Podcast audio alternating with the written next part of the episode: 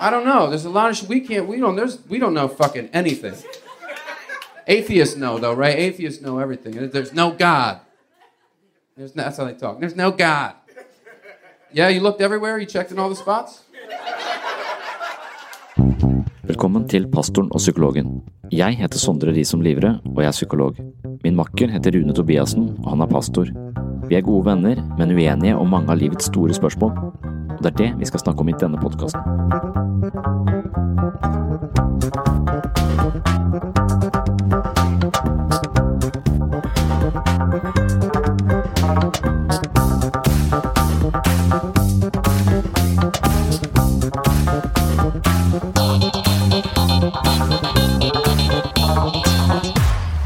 It's just insane to say there's no God. You don't know what's going. It's like saying there's no Wi-Fi here. There might be Wi-Fi here. How do you know that? You don't see it? Maybe you just don't know the password. You know, you don't know the password. The password's probably psychedelic drugs. That's probably what it is. I've tried.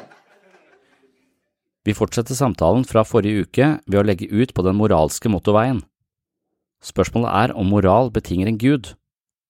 Må vi ha en utenforstående lovgiver for å finne ankerfeste for våre moralske føringer?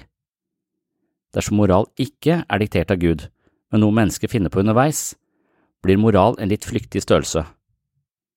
Som vanlig setter jeg scenen med et utdrag fra Psykologens journal hvor jeg drøfter menneskers atferd på den såkalte moralske motorveien. Det er en metafor som synliggjør hvorfor troende og ikke-troende har ulikt syn på moral, og ikke minst hvorfor de troende mener at moral må være forankret i noe større enn menneskers tilfeldige tilbøyeligheter. Og la oss kort høre fra standup-komikeren Louis CK, så får vi en mistanke om at kristne er inne på noe. I don't know. I'm supposed to give my kids values. I don't. I don't have any of those. I used to, but they're melting away. They finally are. You know, you get you get instilled with values by your parents and by school, whatever else. You know, society teaches you things, makes you teaches you how to be a good person. But you ever feel for your real values inside, like who you would be if you had no guidance? Like I think about that sometimes. Like, what are the things I believe in my marrow that I can't really that had to be shaved away? They're coming back now. Like, here's one. I really, somewhere deep down, I believe that if you murder somebody and you never get caught, it's fine. you kind of didn't do anything wrong. Ja, vi har vel eh, skjønt at eh, Louis CK er en litt eh, tvilsom type. Nå skal jeg lese et lite utdrag fra Psykologens eh, journal, som altså er den boka jeg har skrevet i møte med livets store spørsmål og i møte med troende mennesker og meningsmotstandere, og målet med boka var vel å møte folk som tenker annerledes om livets store spørsmål enn det jeg selv gjør, og på den måten kanskje komme dypere ned i disse spørsmålene. Og moral var et av de temaene jeg eh, måtte dykke ned i i løpet av denne prosessen. Så her et lite utdrag fra Psykologens eh, journal knytta til dette med den moralske motorveien. Moralfilosofi er et stort tema fullt av intrikate dilemmaer. I diskusjon med troende mennesker koker det ofte ned til to posisjoner. Det ene er moralsk objektivitet, og det andre er moralsk relativitet. Moralsk objektivitet er troen på at moralske verdier og plikter er virkelige og bindende. Det vil si at moralske føringer er tuftet på objektive lover gitt oss av en overnaturlig kraft, og da vanligvis Gud. Moralen er noe som er forankret utenfor oss selv, og det er denne posisjonen de fleste troende tilhører. Moralsk objektivitet er også bakteppet for teorien om menneskets syndige natur. Når vi mennesker gjør noe moralsk forkastelig, begår vi ikke bare en urett mot hverandre, men også mot Gud, vår skaper. Ateisten vil ofte helle mot moralsk relativitet. Det finnes imidlertid også en del forsøk på å etablere objektive moralske verdier uten å påberope seg Gud, noe Sam Harris prøver på i boken The Moral Landscape, men de fleste troende jeg kjenner mener at disse forsøkene har mislykkes. Jeg selv er ikke så sikker på det. Den første innsigelsen jeg møter i moraldebatten er omtrent slik. Når man ikke tror på en utenforstående moralsk lovgiver, vil alle moralske føringer ha sitt opphav i det menneskelige sinnelag. Det betyr nødvendigvis at moralske verdier og plikter er subjektive. Hva vi anser som moralsk, blir diktert av våre personlige preferanser, og det er her de troende blir skeptiske. De tviler på enkeltindividets integritet og dømmekraft i moralske spørsmål, og man trenger ikke ha så mye kjennskap til psykologi eller menneskets natur for å forstå denne bekymringen. Man kan jo egentlig bare høre klippet av Louis CK og forstå denne bekymringen. Jeg har møtt mange troende som er vant til at ateister hardnakket hevder sin moralske integritet, og de legger merke til at ateisten har et stort behov for å forsvare seg på dette området. Når alt kommer til alt, går man ikke rundt og tenker at alle som ikke tror på Gud, er umoralske, men dersom man tenker seg om, frykter den troende at ateisten er lettere tilgjengelig for moralske feilskjær enn troende mennesker. For å forstå denne bekymringen kan man se for seg en moralsk motorvei. Tenk deg at du kjører på en motorvei uten etablert fartsgrense. Som regel har folk en tendens til å kjøre i 80 km i timen på denne veien. Noen kjører litt raskere eller litt tregere, men de fleste holder seg rundt den vilkårlige fartsgrensen på 80 km.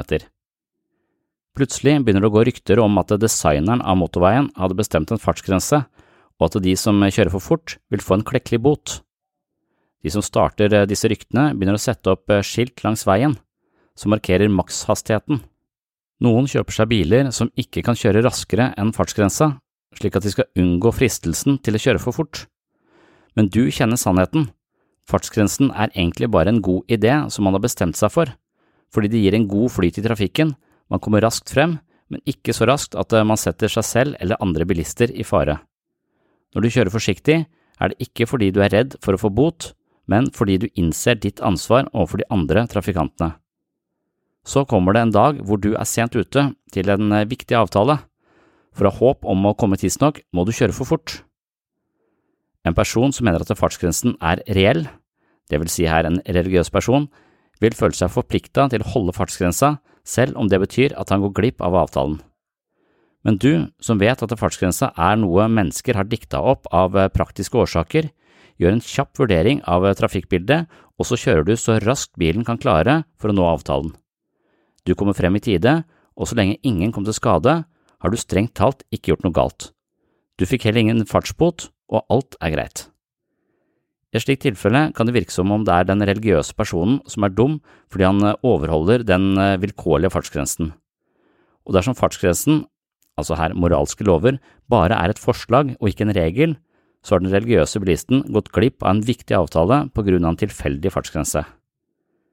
Dersom fartsgrensen derimot er reell, har den troende forstått at designeren kan ha flere grunner til å bestemme en fartsgrense. Den ikke-troende tenker at fartsgrensen er der for å beskytte trafikantene mot alvorlige kollisjoner og ulykker, men det er bare en del av hensikten. Den troende vet at designeren også har skapt alle bilene på veien. Ved kjøring over fartsgrensen skades bilen fra innsiden, og til slutt vil den bli totalt ødelagt dersom man ikke tar bilen til reparasjon, som i dette tilfellet vil være bønn og absolusjon. Man kan argumentere for at det er min bil, at jeg kan gjøre hva jeg vil med den, men da har man misforstått siste del av lignelsen. Bilen du skader, tilhører ikke deg, den tilhører designeren, og han forventer at du behandler den med omhu. Fra et troende perspektiv viser dette eksempelet forskjellen på moral som er gudgitt, og moral som er menneskeskapt. Moral som stammer fra Gud, er mer bindende fordi den ikke bare refererer til hvordan vi forholder oss til hverandre, men også hvordan vi forholder oss til vår skaper. Selv om ateisten anser seg selv for å være et godt menneske, er det ingenting som hindrer ham eller henne fra å bli umoralsk når det moralsk riktige er ubeleilig, og da ser vi bort ifra den kontinuerlige skaden ateisten volder på sin egen sjel ved å fornekte Gud. Men dersom ateisten har rett, og Gud ikke eksisterer, har mange kristne utsatt seg selv for vanskeligheter ved forgjeves å adlyde Guds føringer. Jeg har møtt flere troende som resonnerer på denne måten, og de avslutter ofte med å karikere ateistens posisjon. Dersom det ikke finnes noen eh, høyerestående moralske føringer, kan man gjøre hva som helst så lenge man slipper unna. Her ligger det en indirekte forventning om at ateisten vil prioritere seg selv fremfor et eh, større gode, uten skrupler. Jeg vet at jeg handler egoistisk i mange sammenhenger, men dette er samtidig en side av meg selv som jeg bruker mye energi på å minimere. Selv om jeg ikke er eh, religiøs, har jeg en sterk samvittighet som plager meg når jeg bryter mine prinsipper eller oppfører meg ugreit. Jeg tror at egoisme kan gi meg mange materielle fordeler, men dette er fordeler jeg ikke vil ha.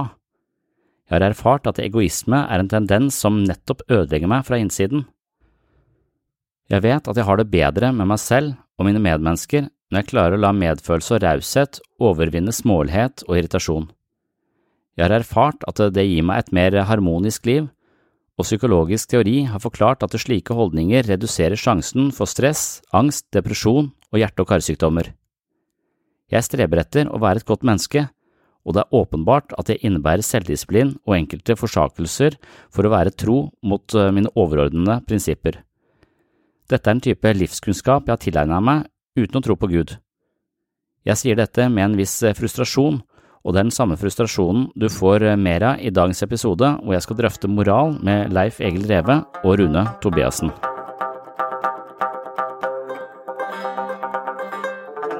Men, eh, kan, kan, vi gå til, kan vi gå til moral? Ja, ja, vi kan gjøre det. Jeg, jeg, vet, jeg vet ikke, om, jeg vet ikke Ja. om det er noe lettere å snakke om det enn Ja, for moral er Men, vi mer, kan prøve. Vi kan moral prøve. er mye mer eh, konkret for meg. For at eh, jeg forstår f.eks. ikke innenfor den simuleringen jeg lever i, Ja. eh, hvorfor jeg skulle trenge eh, eh, noe som står utenfor tid og rom eh, for å oppføre meg moralsk. Eller sånn. Mm. Eh, for, for, for, for meg så tenker jeg bare det er to eh, det, for, Dette er et empirisk spørsmål for meg hele tiden. Uh, og, det, og, og en del ting eh, slår jeg meg til ro med at det, det kan vi ikke enda. Og Det er derfor jeg mener at jeg er en agnostisk. Det, det kan jeg ikke vite. Dere sier det, dere sier det, de sier det, de sier det. Og den mest logiske posisjonen for meg da vil være å si hm, mange kloke mennesker mener helt forskjellige ting. Jeg tror jeg avventer eh, en konklusjon på dette spørsmålet fordi at det er mange kloke mennesker som sier Det er motstridende en ting fair, her. det respekterer jeg. Ja, og det, det er min posisjon til, eh, til Men, starten ja. eh, på det hele. Eh, på, når, når det kommer til moral, så, så tror jeg litt mer sånn uh, tanke om at jeg tror at det her at moral, det er ikke noe som på noen måte kan være gudegitt. Men, men jeg tenker litt sånn Habermas-aktig på det. At det finnes, eh, det finnes naturvitenskap som ønsker å finne ut hva som fysisk er sant, eh, sånn som situasjonen er akkurat nå. Men selv om de sannhetene er ikke med noen stor S, de er eh, som regel med, med en liten S, men de er empirisk sanne. Vi kan sanse de. Og så har du en subjektiv sannhet som er, som er sant for meg.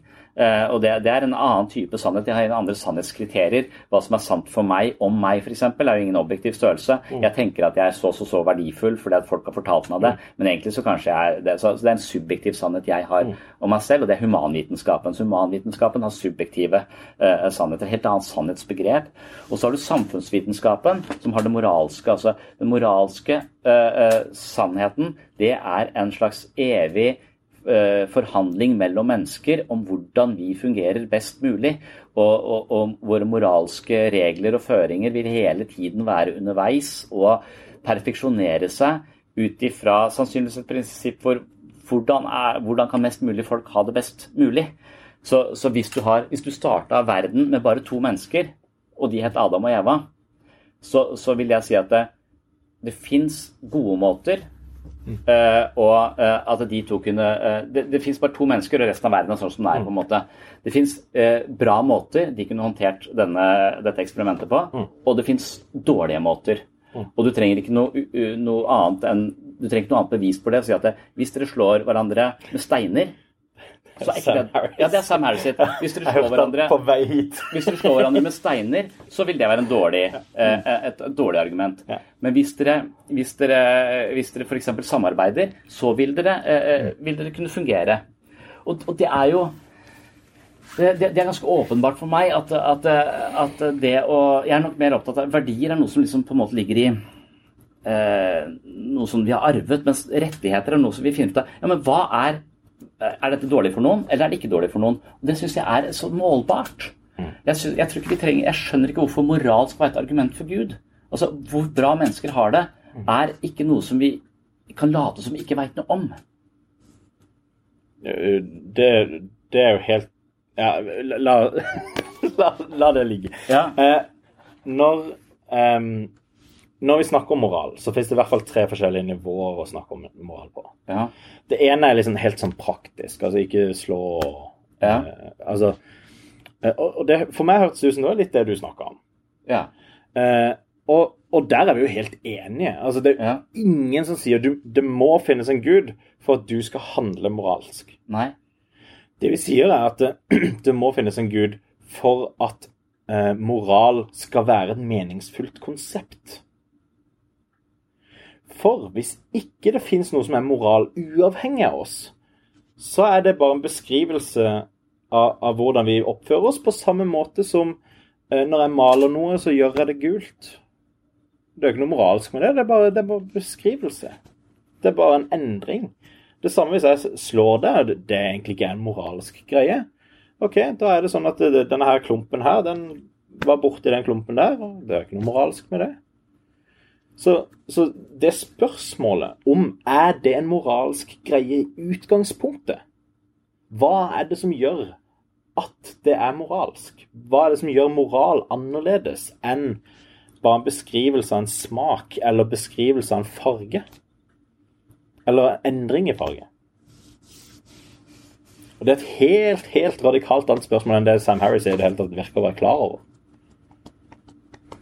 Jeg, jeg, jeg syns ikke det spørsmålet er meningsfullt i det hele tatt. Eh, For, at, for, at, eh, for, meg så er det det overrasker meg ikke. helt åpenbart at, eh, at eh, hvorvidt du maler en vegg gul eller rød, og om du syns den er fin eller ikke fin, det tilhører eh, den eh, humanvitenskapen. Det er en subjektiv sannhet som, som, eh, som, er, eh, som er der. Når- du eh, eh, påstår at det ikke finnes noen sannheter i det eh, mellommenneskelige eller, hum, eller samfunnsvitenskapelige eh, si, det, denne forhandlingen mellom mennesker, at det, det spiller ingen rolle om du slår meg eller ikke slår meg. Det spiller en kjempestor kjempe, eh, stor ting. For dette, hvis du slår meg, så kan det være jeg slår deg tilbake. Og, og da kan det være jeg treffer deg på en måte som gjør at du ikke lever lenger. Ja, la oss si så, det. eh, så, så, så det er eh, Så eh, rett og slett altså at eh, moral er bare vår måte å finne ut av på hvordan kan vi leve best mulig sammen som art, og overleve og ha det best mulig. Eh, og, og det kan vi vite veldig masse om. Eh, og, og- dermed så, så Sam Harris' kritikk er vel at eh, vi er veldig sånn skeptiske til å si at eh, vi skal ikke påberope oss på å vite hva som er best for andre kulturer. Hvis de syns det er bra å steine damer hvis de blir voldtatt, så, så kan ikke vi gjøre oss til overformyndere og si at det ikke er bra. Altså, Ja, ja, han, han sier standard, vi kan ikke gjøre det, sier han. han sier vi kan gjøre det. Han sier Ja, ja, ja, han sier at det- det er greit, det å steine damer Ja, det er er ikke uansett. god ting å gjøre. Og du trenger ikke Gud for å forstå det. Altså, det, det, er bare, det, er bare måle Så, så, så han, han, han har vel en slags idé om at, eh, at eh, det, han starter det der, eh, Når han snakker om the moral landscape, eh, så, så starter han med å si at vi er nødt til å si at det, hvis alle mennesker på jorda ble utsatt for mest mulig tenkelig lidelse som i det hele tatt er mulig å forestille seg i all uendelig tid, så må vi kunne si at det er en dårlig ting. Og hvis du er enig i at det er en dårlig ting, så er vi enige om hva dårlig betyr. Eh, men hvis du da tenker altså hvis noen av de får det litt bedre, så er det bedre enn det første uh, scenarioet. Derfor så har vi plutselig fått et kontinuum på hva som er dårlig, og hva som er, er bra. Så hvis alle, mest mulig lidelse for mest mulig folk i all uoverskuelig fremtid, det er dårlig. Det, det må vi være enige om. Og hvis vi da begynner å si at ja, men hva med bare i to år? Det er bedre. Det ligger tettere på noe vi vil si er bedre. Hvis ikke det er veldig bra. Og denne, denne skalaen, den eksisterer. Uh, og det, du trenger ikke noen gud for at den skal e- eksistere. Du trenger bare å, å måle uh, Du trenger bare å se på et menneske om det lider eller ikke, ikke lider. Og Men, men poenget i forhold til det moralske argument ja, For, for, for det moralske argument vil, vil, er egentlig helt irrelevant til det, til det der. For, for, det anerkjenner dette her, og, og, og så vil det bruke det du sier der, er en underbyggende argument i det moralske argumentet. For det moralske argumentet fungerer litt sånn her. Um, hvis uh, objektiv moral eksisterer, så eksisterer Gud. For det er Gud som må grunnlegge objektiv moral. Objektiv moral eksisterer, og det er jo det argumentet Sam Harris bruker. Så, så han er bare enig med premiss to. mm, Og så uttaler han seg ingenting om det første delen av argumentet. Så er jo, altså Hvis disse to eh, er sanne, så følger det at Gud eksisterer. Hvorfor er premiss én sann, da? Så ehm, er grunnen, ja, så, så, og, og det synes jeg det er noe av det som blir underkommunisert. Det er eh, den sammenhengen mellom hvorfor Gud og moral har noen ting med hverandre å gjøre i utgangspunktet. Um, for du trenger for å være Altså for at det skal være meningsfullt å si denne eh, verden her med uendelig elendighet og denne verden her med uendelig godhet, de er verdimessig forskjellige, så må verdisystemet eksistere. Og det, det er verdisystemet som trenger et eller annet grunnlag. Så eh, det å bare si jo, jo, men det er åpenbart en forskjell her, derfor er vi enige. Det er bare å anerkjenne at det verdisystemet eh, eksisterer. Ja, men jeg anerkjenner at det verdisystemet eksisterer. Ja, veldig bra. Det, det gjør det, det gjør, er er 99 ikke- er ikke- dette mennesker. sånn så Når jeg får forklart Kant, som også er veldig vanskelig å forstå er ikke sant, Da sier en sånn kantianer til meg sier at jeg, uh, ja, noen sier det er en, skjedd en ulykke uh, på et sted. Men det, var, det, det, det skjedde ikke på noe sted. Det var ingen involverte. Altså, det, det er det umulig å si. Hvis det er en ulykke, så er det noen som har vært involverte. Og dermed så er det å være involvert i en ulykke, det er noe i seg, i seg selv. Altså, jeg, jeg forstår ikke Og så tenkte jeg ja, men, ja, selvfølgelig. Hvorfor driver du sånn? Det var en dame som snakket med meg om dette her i en time. Altså en sånn kantianer. Og, og sånn Ja, la oss ski så, så bare sånn, det, Dette er disse kategoriene som han på en måte legger til. Dette må være fordi sånn, eh, sånn er det. Og de eksisterer. Ja, godtar det. Ja, ja, ja. Og, og det, det er jo fordelen her. Det er jo at Ja. 99% av mennesker er enig i at verdier eksisterer. Ja. Men minst 99 ja. Eh, Så, så, så det, er jo en, det er en bra ting. Vi er enige om at det eksisterer. Men det er ikke det dette her Altså, det argumentet her lener på det. Hvordan forklarer vi det? At verdier eksisterer.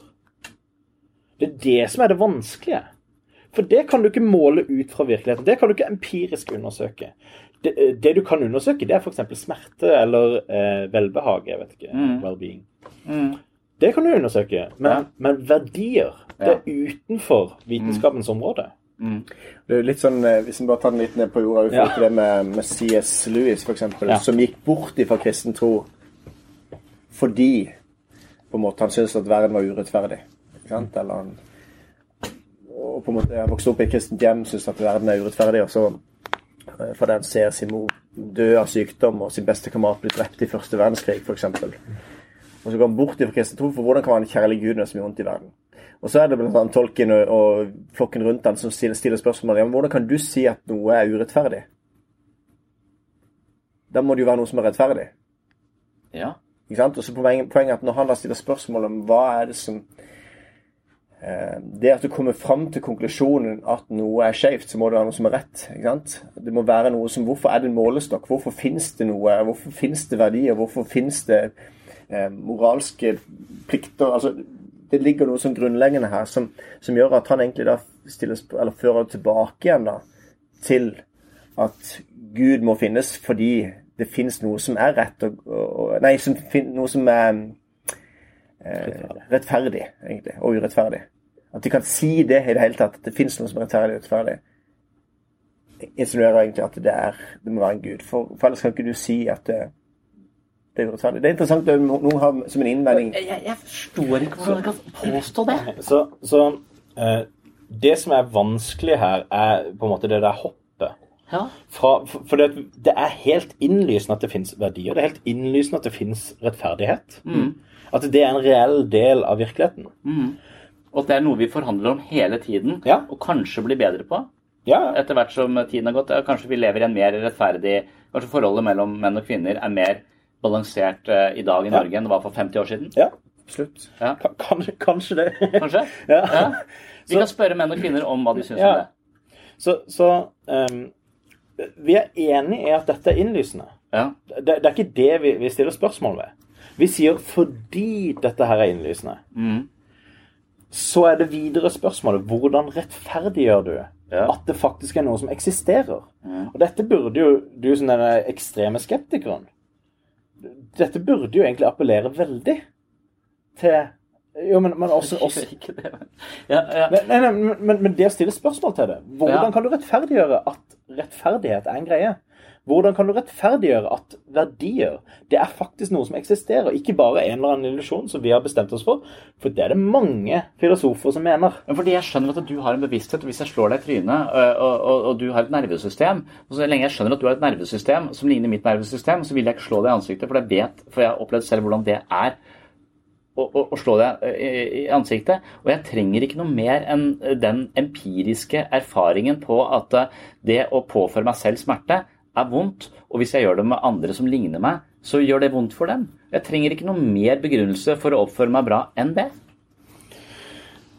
Um, jeg er enig. Og, og, altså, grunnen til at denne samtalen er ganske vanskelig, Ja. er fordi at på det ene nivået så er dette noe alle kjenner veldig godt til. Mm. På det andre nivået så er det abstrakt, konkret tenkning om eh, noe som vi tar som en selvfølge. Ja. Men dette her er jo på akkurat samme måte som hvorfor skal du være skeptisk til at du kan ta på dette bordet? Det er jo du skeptisk til. Du vet ikke det. Det kan være dette er bare en simulisering. Det kan være det fysisk ikke engang eksisterer. Men det må jo være ekstremt åpenbart at jeg kan ta på bordet. Det, altså det, det, eh, folk, de, Veldig mange vil si det er mer åpenbart Mm. Enn at noe er rett og galt.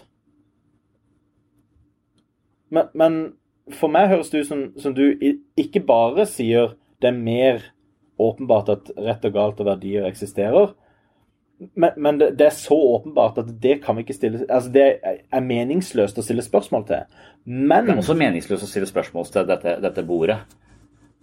til, til om det fysisk eksisterer. Ja, Det er jo det du gjør hele tida. Ja, ja det, er, det er en potensiell mulighet for solipsisme kan være en, en, en idé. og Det er et tankeeksperiment hva hvis vi lever i en, eh, i en, eh, i en simulator nå, egentlig. Ja. så Hvis du kunne komme med en simulator som sier at du får et fantastisk liv, men du vil bare sitte inn i den boksen der, men livet ditt vil oppleves helt fantastisk. Vil du gå inn der? Nei, du vil ikke det, for du føler at det ikke er virkelig. Men hvis du allerede er der, vil du gå ut av den? Nei, du vil i hvert fall ikke vite faen hva som er der, eh, der ute. Så det er mer sånn filosofiske Jeg ser på dette som, jeg ser på dette som eh, apper på telefonen min som jeg kan bruke til å tenke annerledes om ting. Sammen med fri vilje. Fri vilje tror jeg ikke på, uh, i, i tråd med Sam Harris, men jeg bruker ikke jeg bruker kun min idé om at fri vilje ikke eksisterer når sønnen min klikker. Eh, for at da tenker jeg man har ikke noe fri vilje, så det å være sint på han gir ikke mening. Eh, fordi at han gjør ikke dette av ondskap mot meg, selv om det er det jeg føler. Mens eh, når jeg da, når kona mi sier at hun, eh, hun er glad i meg, eh, så tenker jeg ikke ja, men det mener du, har ikke noe fri vilje, så dette er bare et biologisk greie som gjør at det, så, så da bruker jeg ikke det perspektivet. Jeg bruker disse perspektivene når de passer, Når de for å leve, eh, eh, leve eh, eh, best mulig. Derfor så tenker jeg at det kanskje fri vilje er en illusjon som vi trenger eh, å ha. For Hvis ikke vi hadde hatt illusjonen om fri vilje, så hadde systemet vårt rakna. Men det betyr ikke at vi har fri vilje. Det betyr bare at, eh, at systemet trenger ideen om det. Hvordan er det annerledes enn eh, verdi? Er det samme der, da? At det er en illusjon som vi trenger for å overleve? Det, Det er ikke noe Ja. i seg sjøl. Altså, det, det, er- er jo det nihilister Nå er vi inne på kjernen. og, og, og eksistensialister de anerkjenner dette. Det er egentlig, det er egentlig bare en illusjon. Nihilister de, vil- de vil i stedet for å allikevel klamre seg til noe og si jo, men vi må bruke det allikevel, så vil de si Mm. ah, det, Så er altså egentlig ikke. Ja. Det, Det er det, er en ikke det. Fiks ferdig. Eh, Er moral òg bare en illusjon som vi trenger for å overleve? På samme måte som fri vilje. Du tror egentlig ikke på det. Du kan ikke ut ifra naturvitenskapen si at vi egentlig har en fri vilje, men jeg, jeg, jeg vil forresten bestride det Ja, ja, det kan godt Altså, være at det kan godt være vi har, men- men la- la det eh, ligge. det kan godt være vi har Ja. fri vilje, men det er også et sånt spørsmål som tenker at jeg jeg er ikke smart nok til å forstå det. Ja. Men jeg skjønner argumentene for at vi ikke har det. Jeg skjønner argumentene for at vi, eh, for at vi har det litt dårligere enn jeg skjønner argumentene for at vi ikke har det. Men, men, Men men, jeg, jeg syns ikke de to tingene er helt like heller. Nei, det er ikke helt like, men Jeg- jeg- bare fått jeg en ikke- på for, det. for fri vilje er et, et veldig abstrakt fenomen. Det å slå noen i trynet er veldig konkret. Eh, det er det også å ta valg ut ifra fri Ja. Det er jo også veldig konkret. Altså, du, du må jo sammenligne det som er. Altså, det å løfte dette glasset Ja. er sammenlignbart med fri vilje. På samme måte som det å slå det er sammenlignbart med, med moral. Ja. Men ok, men, men, men, altså, det dere, dere, får lov til å, dere får lov til å være disse luftige metafysikerne og si at det er Gud. Uh, eh, og, og, og, og, det som er problemet med religion, er jo at den sier at ja, vi må, ha, vi må være eh, på en måte vi må, være, vi må ha en gud for å være moralske. Og denne uh, guden har fortalt oss hva som er rett og galt. Og så implementerer dere dette i verden på en måte som for oss, for mange andre, er åpenbart at ja, men det er ikke spesielt bra Uh, det, det, det dere gjør her sånn. Måten dere tenker om eh, så, så homofili på, eller disse tingene som skriver seg fra den moralen dere har, virker som en umoral. Altså at det abstrakt sett, filosofisk sett må være et slags metafysisk grunnlag for, for moral. Så har vi vært tilbake på det, på det spørsmålet. Men, men eh, hvorfor, hvorfor skal man ha en kristen moral, på en måte? Hva er eh, Nå er det over på neste steg igjen. ikke sant? Men du er enig om at Ja. nå var det moralsk argument. Det var noe annet. Og der ble jeg enig om at det var litt likt i forhold til det at du velger å forholde deg til at det, du har en fri vilje, selv om du egentlig ikke kan forklare en fri vilje ut ifra natur. eh, Ut ifra Ikke sant? Jeg vil si at evolusjonært sett så er det sannsynligvis at ideen om fri vilje har overlevd fordi den har en overlevelse. Det tenker du om moral òg, da.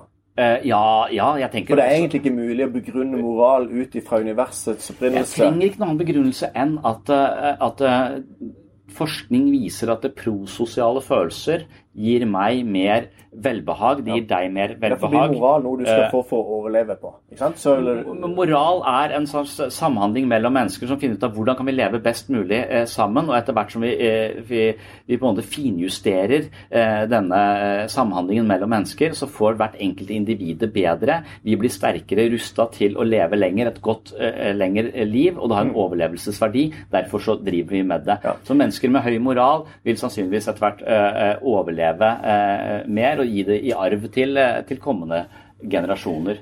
Men, Eh. men, men jeg vil si at det, moral er en treningssak. Akkurat som fysisk styrke er en treningssak.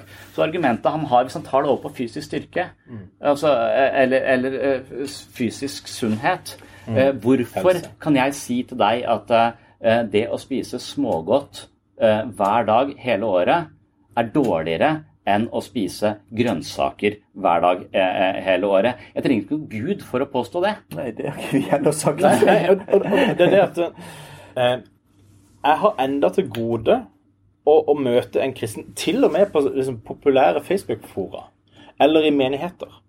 Eh, folk som ikke har tenkt over dette her, men er enda til gode å møte noen av disse som sier jo, jo, eh, ateister de er bare onde, de. For, for de tror ikke på Gud. Det er jo ingen som sier du må tro på Gud for å være god. Så, så hver gang du angriper den ideen, så, så er det en fullstendig stråmann. Det har ingenting med det noen påstår å gjøre. Jeg, jeg har aldri sett noen påstå det. Og det sier jo ganske mye, for jeg har sett veldig mye på Facebook-forer, eh, på en måte. Altså, men, men jeg har aldri sett noen påstå det. For, fordi det er så åpenbart feil. Mm. Altså, hvis noen påstår at eh, ja, eh, hvis du eh, ikke tror at Gud eksisterer, Men- så er du umoralsk. Men, men hvorfor trenger ikke jeg en metafysisk forankring i å påstå at, eh, at eh, kosthold det er, bedre og dårligere type kosthold. Jeg, vil ikke si at, det, vil si at det, hvis du spiser hvis, eh, eh, Nøtter er bra. Det er en sannhet. Bortsett fra hvis du har nøtteallergi, for det dauer du. Mm. men jeg sier ikke at ja, derfor så kan jeg ikke si noe konkret om dette. Jeg vil fortsatt ha en vitenskap om kosthold som hele tiden raffinerer hva vi vet om, mm. om, om kosthold. Og jeg trenger ikke noe metafysisk forankring for å si noe som er sannhet med liten s om, uh, om, om, om, kosthold. Men hvorfor må jeg det om moral? Hvorfor må jeg ha det? Egentlig så må du det. Du må ha en metafysisk forankring. Du må si at det fysiske eksisterer. Du må si at kropper er, er individer. Hvorfor er det relevant? Du, du må det for å kunne si at eh, helse Altså for å snakke om helsa di. Så må du anerkjenne at den der kroppen der, Ja, ja, ja. det er en enhet. Det, ja. Ja, ja. Ja. Så, så, så du må ha noen metafysiske forankringer der også. Det samme gjøres med moral. At det må være en metafysisk forankring for moral for at du skal kunne snakke om hva som egentlig da er Så for at jeg skal snakke om kosthold, så må jeg også være eh, eh, som- guddommelig orientert. Nei. Eh, jeg tror ikke det. det. Det kan være jo, altså, vi- hvis, hvis det stemmer at eh, hele universet kan kun eksistere hvis det eksisterer en gud, så, så må du indirekte det. Ja, ja. Men du må ha noen metafysiske forankringer. Du må ta stilling til identitetsproblemet. Du må ta stilling til er det sånn at dette her, det er en kropp? Eller er det sånn at det der, det er en del av kroppen din? Som, som er et sånn filosofisk dusteproblem. altså um, så, så er den stolen der en del av deg? Nei. Derfor så og, og fordi jeg tar den filosofiske posisjonen, så kan jeg snakke om din helse, heller enn din og stolens helse. Det er et under for meg at filosofer får lov til å holde på å få betaling for noen av disse tingene. Så, så, så Men psykologer, det er noe helt annet. Psykologer ja, ja, det er noe helt annet. For det, det, her har ingenting med, med, med psykologi å gjøre. Altså. Psykologi handler om ting som flytter ting i verden. Altså, det, det handler om å møte et annet menneske som gjør at et andre menneske kommer på kurs som er bedre for det. Det er, en, det, det er, som, det er som snekring. Ja, ja. Det, det gjør en forandring i den virkeligheten vi faktisk eh, vi, vi lever i. Men det, men det som var poenget, var bare å ta utgangspunkt i at det, det er noe Det fins verdier. Og på en måte, om vi da kommer fram til at vi har forskjellig syn på det, så må vi kunne snakke om at du mener at det er feil, sånn som jeg kommer fram til hva som er rett, mens du mener at du har mer rett enn meg i forhold til hva som er rett. F.eks. mener du at jeg tar feil i forhold til noen samlingsetiske spørsmål. Ja. Du mener at ikke vi skal eh, bry oss om det. Gud skal ikke bry seg om sånne bagateller. ikke sant? Det, Ja. Og så videre. Ja. Så, men poenget er at nå, er jeg snak, nå snakker vi om premisset. Det å hele tiden kunne snakke om verdier og plikter og snakke om på en måte noe grunnleggende. og det, det må du forutsette. og Det er det som er det argumentet for Gud. Ikke at han mener det ene eller andre i et konkret tilfelle. Vi trenger ikke å Ja. ha liksom er det rett og galt? Vi må spørre Bibelen. Og så siden ikke det står noe om mobilbruk i Bibelen, så, så klarer vi ikke å si noe om det. Derfor så vet vi ikke det. Det er jo ikke sånn det fungerer. Eh, men det som er interessant, det er samtidig når du da sier at det er galt at jeg sier at noe er rett og galt ut ifra Bibelen, Ja. så kommer du med en rett og galt forståelse og så sier at det er galt å forstå det sånn som jeg forstår det. ja. Og da har, bruker du de samme altså Da bruker du også en argumentasjon ut ifra Det, det, er fordi, det er fordi jeg mener at eh, rett og galt er ikke eh, med stor S. Rett og galt er et empirisk spørsmål, noe som hele tiden vil endre seg. Eh, Så hvordan vi skal se på homofile, hvilke rettigheter homofile skal ha osv. Det er for meg et empirisk spørsmål. Vil, det være, vil verden bli dårligere hvis de får lov til å gifte seg? Eh, vil, det- vil, det- vil, mennesker generelt få mer smerte eh, hvis de får lov til det? Også hvis ikke det ikke medfører mer smerte eller ubehag eller en eller annen uheldig konsekvens for, for som, som utligner den, Ja. så, så, så skal det være, være, være tillatt. Og, og det er der Sam Harris snakker om et moralsk landskap. Han sier at det, det finnes det finnes åpenbare måter å organisere eh, kulturen på som ikke er bra for majoriteten av folka i den kulturen. Eh, og de er en bølgedal. De er her nede. Det er en dårlig eh, eh, moral. Og så kan man på en måte gå den veien og klatre opp på noe som er moralsk mye bedre. Men det betyr også at det her borte er en annen høydepunkt som kanskje er helt annerledes. Og hvis de har tenkt å gå den veien, så kan de ikke gå den andre veien. Så de to tingene Det kan være mange måter å ha det veldig bra på for mange mennesker som kan utelukke hverandre. Uh, på, på en måte, Og det er mange, ekstremt mange måter for mennesker å organisere seg på som gjør at det dritdårlig for, for, for mange mennesker. Og det å bruke eh, Bibelen eh, som et argument, som er liksom skrevet i stein, det har han sagt, som er utenfor tid og rom, inn i dette moralske landskapet, da gjør det han, for, da gjør det han politisk, eh, og det gjør han menneskelig, og det gjør han til en stemme i det moralske landskapet. Og jeg syns ikke det Men så du at det er forskjell på at det ikke er det som er det moralske argument? Har du, har du sett det? Ja, det moralske Ja, ikke sant. Ja. Og, og, og, og For for meg så er det, bare nok et sted hvor jeg er agnostisk, da. På at, eh, at hvorfor, eh, hvorfor det utgangspunktet er Du brukte Bibelen nå. Så sier du at eh, Bibelen på en måte sier noe om konkrete ting. Og så kan, Jeg ser for meg at det her dette er en bibel som er skrevet for 3500 år siden. noe av det, ikke sant? Noen av disse Ja. budene og Så, videre. så tenker jeg at ok, så står det at eh, altså, sex utenfor ekteskapet f.eks. er galt. Mm. Så kan du tenke deg at det er en utrolig sånn sant, Påfører andre mennesker, og så mister en på en måte den dimensjonen at det, at det kan være noe fint, eller at på en måte, da trer vi over hodet på noen andre mennesker, og så er ikke det rett. Men, men hva hvis man rent sånn eh, ser nøyere etter på akkurat det budet, så handler det om at når hvis du har sex, så kan du få barn. Hvis du kan få barn av det, så, så er det på en måte litt Så er det fornuftig å tenke at man da skal beskytte det avkommet. Hvis det kan bli barn av det. Så er det naturlig å beskytte det. Når du da i en tid ikke har prevensjon, og du ligger sammen, så kan det bli barn av det. Er du enig da at det er et veldig fornuftig argument, veldig sunt at Gud sier at sex utenfor ekteskapet er synd? Ja, men jeg bare tror ikke Gud har sagt det. Nei, men er jeg, jeg, jeg tror bare at, at det- det har vært i en tid hvor eh, at dette her igjen er noe mennesker sier at det, vi trenger å bli flere for å erobre den delen der sånn. Så la folk kjøre på. Ingen, ingen seksuelle tabuer. Mens i andre siden, vi er for mange, vi klarer ikke å brødfø alle. La oss eh, ha noen uh, seksuelle tabuer som gjør at vi ikke blir, blir, blir flere. Så dette her er bare kulturelle kontrollmekanismer. Ja, Nå leser du inn 2019-briller inn på en lavere stående kultur, og så har du en ovenfra-ned-holdning inn i en kultur som er annerledes. Nei, det er pragmatisk for dem å Nei, ikke bli men flere. Hør, hør hvordan jeg så det. Jeg prøvde å lese det inn i en annen kultur, med å prøve å forstå den gode hensikten bak det budet. Og prøve å være med på det. prøve å, så, prøv å så, resonnere på det. så, så de primitive menneskene der eh, Ikke, nå er du over, overfra ned igjen. Poenget er De fikk beskjed fra Gud. Hvem får vi beskjed fra, da? Hva hvis vi har misforstått det budet med sex for ekteskapet?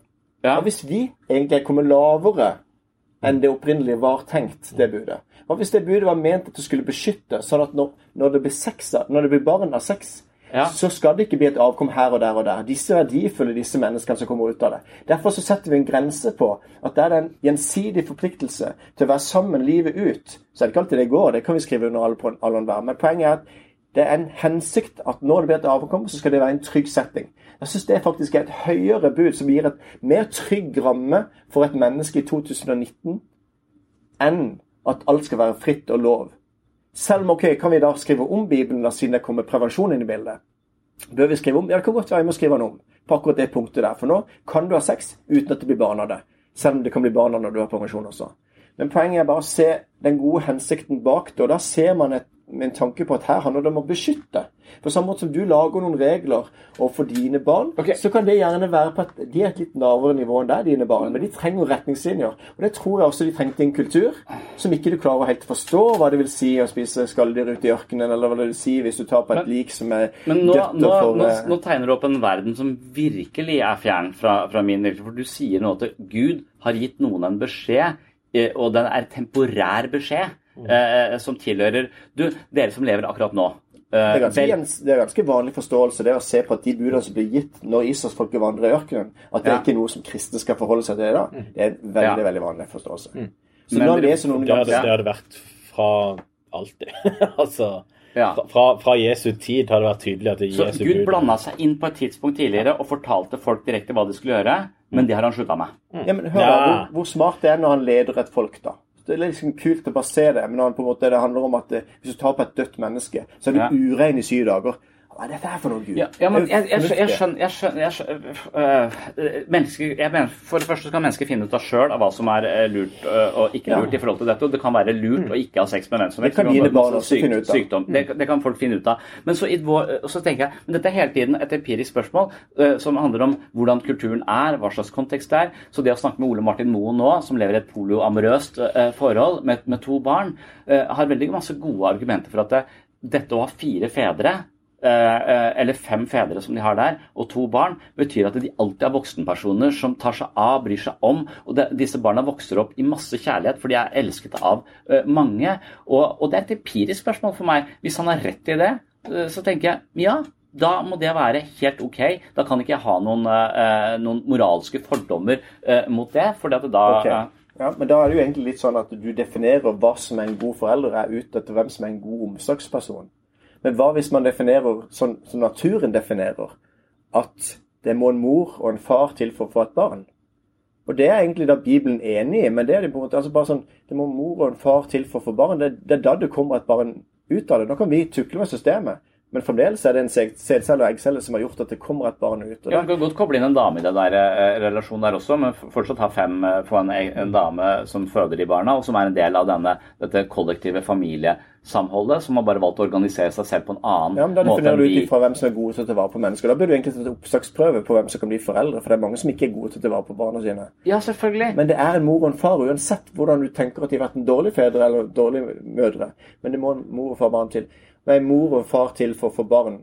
Og det er litt Ja, av dette den er selvfølgelig, men jeg skjønner ikke hva dette har med Gud å gjøre. Nei. Poenget er bare når jeg prøver å lese inn det som Gud har sagt inn i en kultur hvor mennesker da På samme måte som du forteller til dine barn hvordan de skal oppføre seg, Ja, så beskytter du det. Og sånn tenker jeg om at Gud også da kan ha gitt noen lover og bud som kan beskytte mennesket, og som gjør at de kan ikke de vet sjøl hvorfor ikke de skal være nær fordi de får bakterieinfeksjoner osv., så, videre, og så, videre, så får de noen lover og regler. Etter hvert så har vi utvikla oss. Vi ser bakgrunnen til hvorfor noen av de eh, lovene blir gitt osv. Men, men poenget er bare at det, det er en beskyttelse. For? Nå har jo guden deres blitt veldig mye mer konkret. Han gir helt konkrete råd inn i verden i forhold til bakterier. Uh, og, og, det er den guden jeg ikke kan ha. Og den metafysiske guden som har startet alt osv. Tja, agnostisk uh, til. Men denne guden er virkelig den guden jeg ikke kan, uh, kan forholde meg til. For denne virker så personlig. Så han, han, han, han har lagd noe Kult du sa det sånn, han virker så personlig. For han er det. Ja, for, ja, for han, han, er jo han er en fyr som veit noe om bakterier. Ja. Og, og, og da, og, men på et tidspunkt så hadde han et, en trang til å fortelle folk masse ting eh, som daterer seg til den eh, konteksten, den vitenskapen de hadde, og en gjennomsnittlig levealder på 35 år. Eh, mens nå, når en gjennomsnittlig levealder på 84 eh, og vi eh, selv vet veldig mye mer enn han eh, har fortalt noen andre før oss om alt som er. Så nå kan vi stole på oss selv. Altså, nå kan vi finne ut av eh, hva slags samlivsform eh, som er best. Nå kan vi finne ut av hva slags prevensjon som er best. Nå kan vi finne ut at det, det var Semmelweis som fant ut at vi bør vaske oss på hendene før vi tar imot et barn, for da synker eh, barnedødeligheten eh, ganske ganske mange år etterpå det ble sagt. Ja, ja, ikke sant. Fordi at vi hele tiden gjør oss erfaringer eh, og, og, og, justerer da eh, livsførsel etter erfaringer. Mm. Mens dere tenker at det var en fyr som i utgangspunktet ga noen gode råd på starten her, som en slags Det er det at det er den personlige Gud som faktisk bryr seg. da, og Det syns jo du er en ganske fremmed tanke. Jeg syns det er litt kult at Gud syns at vi er såpass interessante at han eh, blir en del av oss, ikke sant, osv. Det, det at han blir Ja. kjøtt og blod, er jo egentlig det som du sier er dumt. At Gud blir konkret. Ja. Ikke sant? Men egentlig syns jeg det er fint at det blir konkret, så at ikke det er noe abstrakt greier uti der som ikke jeg kan forholde meg til. Men det er noe personlig. Noe Ja. som på en måte tar kontakt. Men det som jeg prøvde å gjøre med akkurat det eksempelet med, med tanke på det med sex for ekteskapet, det er at jeg hadde lyst til at det, vi må kunne se på et empirisk grunnlag, kunne si at det mest fornuftige, det beste man gjør, er egentlig at man har sex i et ekteskap. For det kan være at det blir barn av det, og da er det en trygg setting for barnet. Er du enig i det? Altså at du skjønner bakgrunnen for hvorfor det på en måte budet er blitt gitt i en annen kulturell setting. Ja, men det er så mange andre ting som er mye farligere. Altså, ikke utvinn Ja, uran burde være eh, et, eh, et bud, ikke sant? Eh, eh, For eh, så, eh, så Men bare, nå spurte jeg bare konkret om det. For da, da, hvis du mener at det er faktisk best for menneskeheten at det er en trygg setting for barna å ha en mamma og pappa, så burde vi egentlig vi si at det jeg, er ikke, jeg er ikke enig. Jeg vil ikke påstå at det er tryggere for et barn uh, å, å vokse opp med meg og kona mi eller uh, en helst annet par enn det er å vokse opp med Ole Martin uh, og de Nei, fire kjærestene hans. det sa ikke jeg heller, men, men at det blir barn av det når det er mann og kvinne. Nå kan vi tukle med systemet, Ja. så at de på en måte kan sette sammen og, og sånne ting. Men det er jo opprinnelig en mor og en far som hører til det barnet. Er du enig i det? Ja, ja. Ja, det er egentlig bare det som er clouet. At på en måte da er det litt stilig at de eh, på en måte Barnet blir beskytta og skal på en måte være i den Det som gjør at det kan bli barn av det, det på en måte blir hegna om som at dette er noe som er eh, en sånn Ja, det er egentlig det som er Bibelens budskap. da, at er Til mann og kvinne skapte han dem, og så skal de sammen holde sammen for at barnet skal få en trygg setting å være i. Jeg synes det er en god argumentasjon. Så endrer vi på systemet nå. Vi kan ha fire stykker sammen, vi kan ha åtte stykker sammen.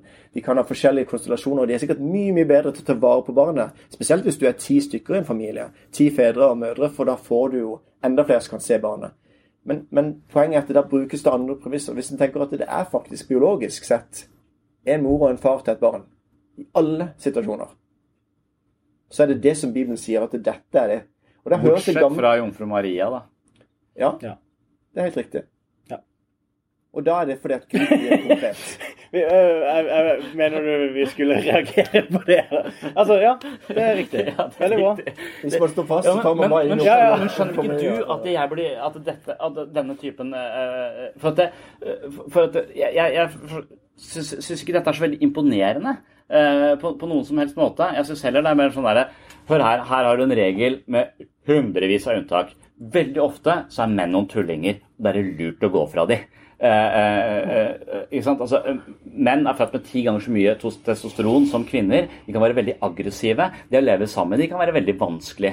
Eh, eh, så, eh, så det å ha de eh, for nær barn for, for lenge kan være lurt, men da må de være temmelig. Så det så, og, og, og, og noen drikker for mye, noen parforhold. Så, så det er så mye jo ikke leve i det hele tatt, for det, det, å leve er egentlig ganske ja, men det, det er så mye eh, det, det at, at barn skal ha de foreldrene de er født med, at det er noe sånn hellig eh, over det. Det er så veldig mange unntak av den regelen. For det er så innmari mange mennesker som ikke burde eh, ha, eh, ha barn. Og det, derfor så, så Hvis han har konstruert dette, så er det jo en ond spøk. Det å gjøre det så lett å få barn, og så vanskelig å oppdra de. Det burde være motsatt. Det burde være dritvanskelig Ja, å få det. Det veldig, ja, veldig bra. ja, men, hvis han hadde vært en intelligent skaper, så hadde han gjort det. Ikke satt oss i denne forferdelig vanskelige situasjonen. Men la Hvor oss det kommer masse barn inn i eh, mor- og barnforhold som er dritskadelig for deg. Men la oss da faktisk se på den kulturen som eh, Jesus og Moses er vokst opp i. Ja. Det er en felles kultur. Har du eh, noen gang lest historien om at eh, når Jesus var tolv år, så ble han igjen i Jerusalem, og foreldrene gikk, og det gikk tre dager før de oppdaga at han var vekke. ja, det, Det er et psykologisk ja. Ja, ja. Så grunnen til at det var mulig, ja. er fordi at de eh, reiser som et felles, eh, felles gjeng. Så hele gjengen er Så- med på å oppdra. Så de var kanskje polyamorøse? Nei, nei, nei. Nei, På nei. ingen som helst måte. Um, men det var, og det var ingen tvil om at eh, Jesus var uh, deres barn. Men i den settinga ja, barna de leker sammen. og Det er helt greit om de sover der. og altså, Mm. det, det er en helt annen kultur. Så, så det vil nesten For meg så er det nesten som du sier Det burde vært sånn. Ja, det, ja, hadde, jeg- det hadde vært en mye bedre det. Ja. Ja, men jeg vil sette ja, kollektive uh, s- Ja. strukturer. Men, men, men når det gjelder den der ideen om uh, eh, så, Men da er vi enige, da. Altså, homofili er en variasjon innenfor normalbefolkningen. Det finnes i dyreverdenen, det finnes i menneskeverdenen. Ja, ja. og, og Gud har ingen meninger om det. Han har skapt det sånn. At, at det finnes en variasjon, hvor, og, og det har ikke så, så mye å si. Med mindre alle ble homofile, for da hadde vi blitt utrydda. Så det hadde ikke vært noe bra. Men det at det, kanskje, det blir, kanskje det er en måte han justerer det på. Altså Han justerer opp graden av homofili når vi blir for mange, og ned hvis vi er for få. Eh, Veldig fin teori. Eh, hva, um, hva er det som skiller Altså, hvorfor er det greit at eh, eh, Gud, han har meninger om at uh, kreft er dårlig? Det er greit. Det er naturlig, men, men det er greit. Mener han om kreft? Nei, jeg vet Nei. ikke, men, men uh, Sykdom, da. ja. Ja. Sykdom, det er, Ja. det er dumt. Ja. Det, det, det har han lov å mene. Mm. Eh, men det er helt naturlig. Mm. Eh, men akkurat denne ene saken, seksualitet, Ja. den får han ikke lov til å touche. Med mindre eh, jeg, jeg antar eh, igjen Jeg kan spørre. Det er en god måte å spørre. Eh, men men, men det, er- det er litt sånn nedverdigende å spørre. Det er derfor jeg heller antar. Veldig gøy med nedverdigende. eh, ja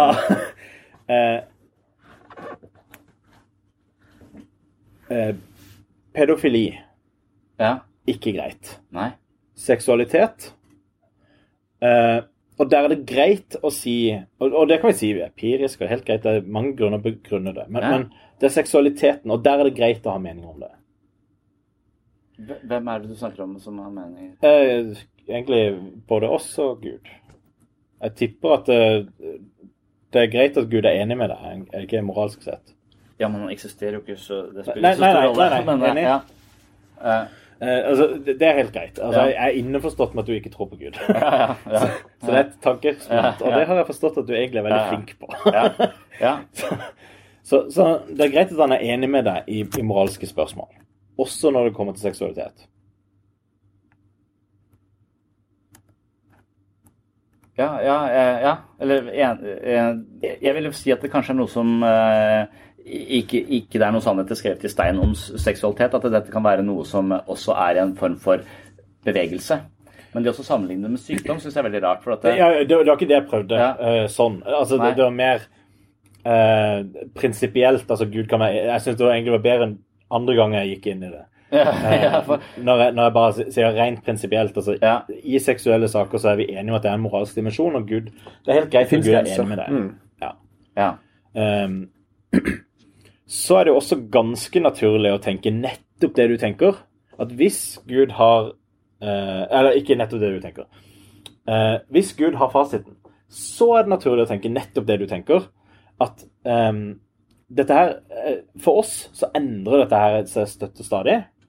Så eh, hvis Gud har én mening, så betyr det at eh, minst av og til så vil vi, vi være uenige med Gud. Mm.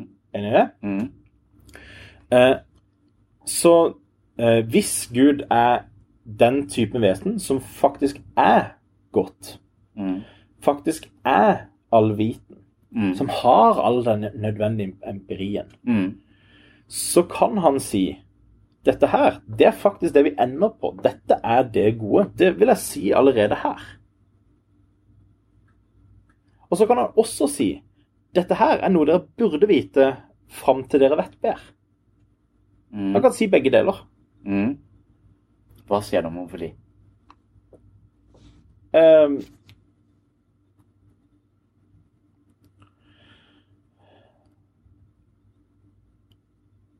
altså, jeg, jeg vil si det. det. Det han har sagt, er at mennesket er skapt for å være mann og kvinne.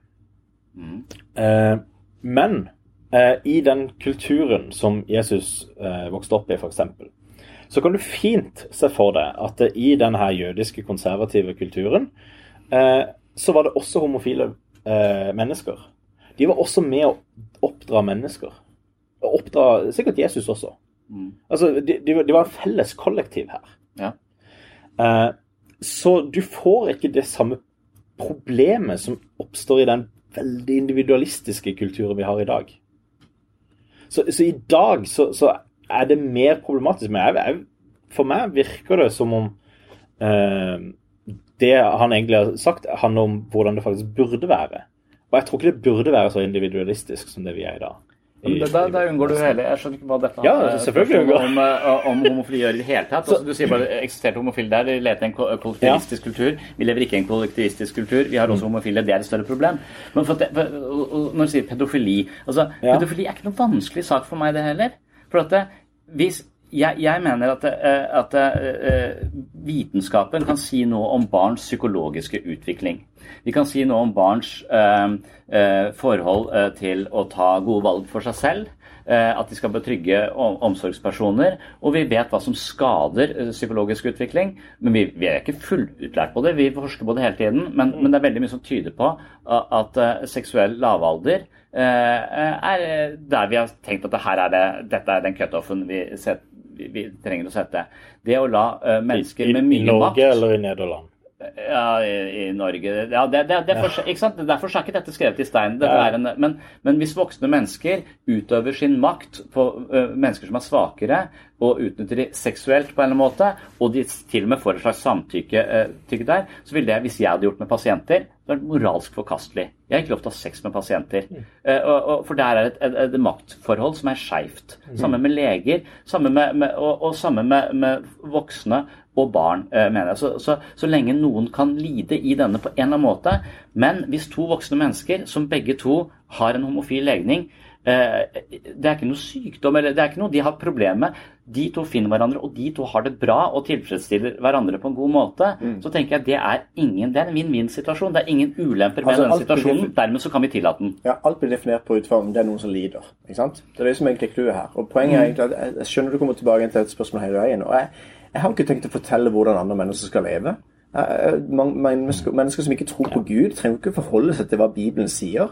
Det er ikke det vi snakker om. Og jeg har homofile venner og, heier på de og støtter de. Jeg har ikke noe behov for å si at du kan ikke leve sånn. Jeg føler av og til at du opplever at jeg skal gå inn og fortelle dem hvordan de skal leve. Men poenget mitt er at at jeg tror at Gud skapte til mann og kvinne en relasjon som gjør at det kan bli barn. og Den, den relasjonen har jeg lyst til å beskytte. Det betyr at jeg tenker at jeg vil stille spørsmålstegn ved at disse to som velger å leve sammen som mann og mann, at de skal få lov til å adoptere, f.eks. Selv om de er mye bedre omsorgspersoner enn det meg og kona mi er. Så poenget er ikke at definisjonen blir ikke om du er god omsorgsperson eller ikke. Og Det er derfor jeg ville hatt en opptaksprøve hvis det var sånn at det var det som skulle til. Men poenget er at der med barn, så, så er det en naturlig forklaring til at der kommer det barn med mann og, mann og kvinne. Og det er også eh, historisk så har det vært sånn at det er ekteskap mellom mann og kvinne.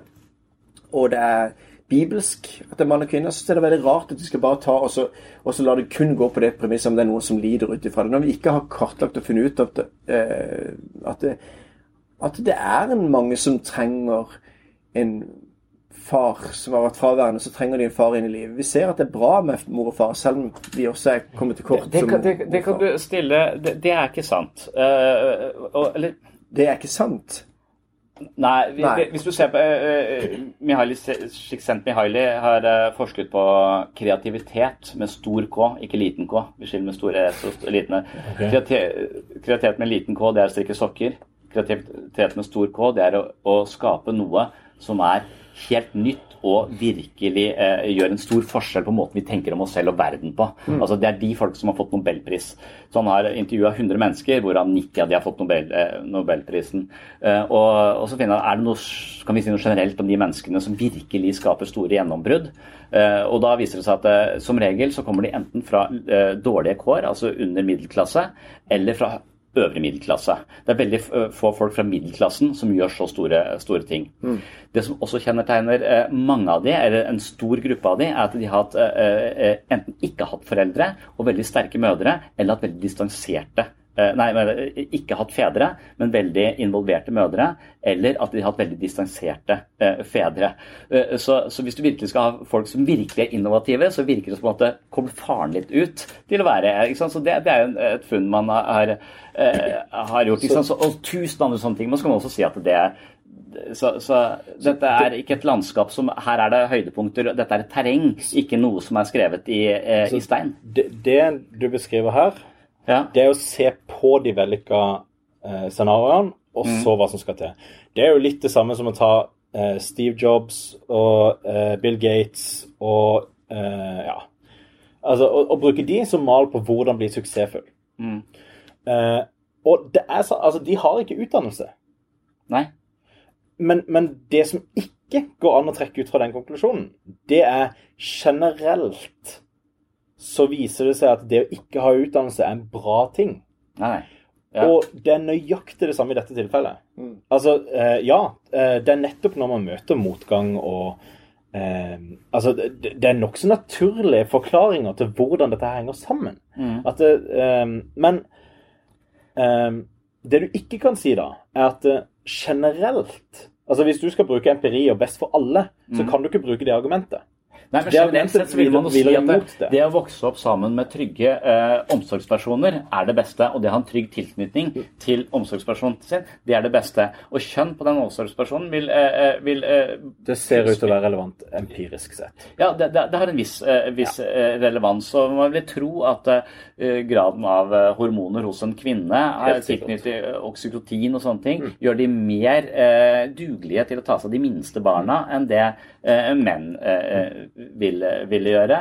Men det er ikke dermed sagt at det er Det vil også være variasjoner innenfor menn hvor det, Ja, ja, vil være bedre egnet egna enn damer. Så dette landskapet er så, eh, er så diffust så at han har brydd seg om å gi oss retningslinjer i det landskapet. er Ja, men det er litt kult at naturen er lik, da. Altså, det er jo mann og kvinne som ikke gir, barnet.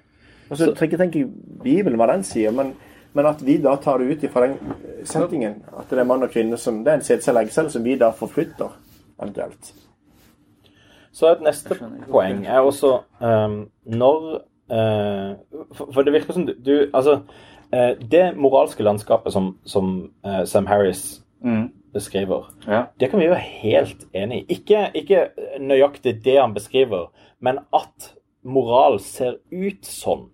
Det kan vi være helt 100 enig i. Ja.